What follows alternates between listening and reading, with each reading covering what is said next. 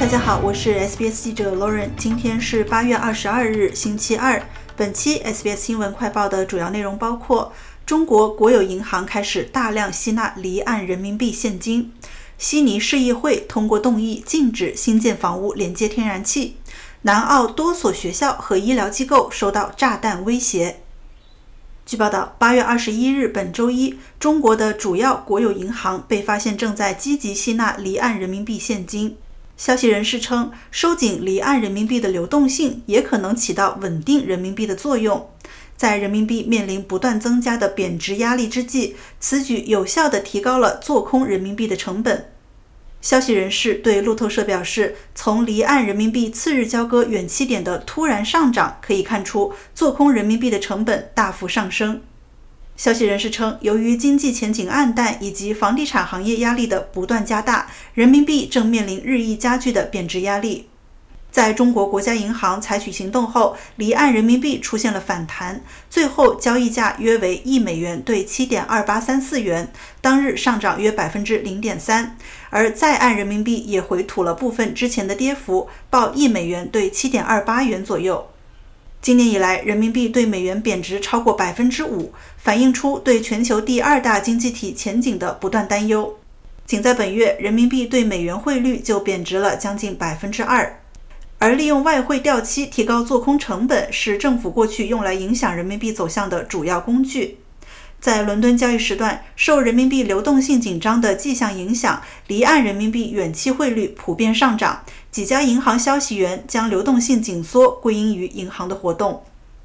离岸市场的一个月美元人民币远期触及一年来的最高水平。消息人士上周告诉路透社，中国主要国有银行忙于在在岸和离岸即期外汇市场抛售美元，买入人民币，以阻止人民币汇率快速下跌。RBC 资本亚洲外汇主管阿尔文坦在一份报告中表示，中国人民银行最近显然加大了抑制人民币贬值趋势的力度，但中国政府不愿意采取更激进的货币和财政刺激措施。这意味着人民币汇率必然需要通过进一步贬值来承担支撑疲弱经济的部分负担。本周一早些时候，瑞银将中国2023年实际 GDP 增长预期从百分之五点二下调到了百分之四点八。分析人士表示，只要中国经济刺激措施方向的不确定性仍然存在，外国投资者对中国的总体情绪就可能依旧保持谨慎。悉尼市政府发言人证实，市议会十名议员本周一八月二十一日晚就一项动议表决，有八人支持禁止新建物业铺设天然气管道，意味着住户和餐厅将无法使用明火煤气炉。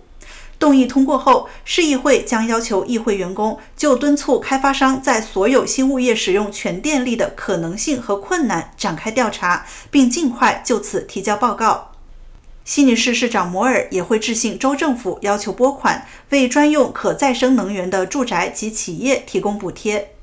尽管如此，新州政府仍有权实施规划条例，以推翻市议会的决定。摩尔被问及相关决定对餐饮企业的影响时，答道：“工作机会将改变，但会有其他的机会。现实是，我们要竭尽所能，做出艰难的决定来处理全球变暖的问题。”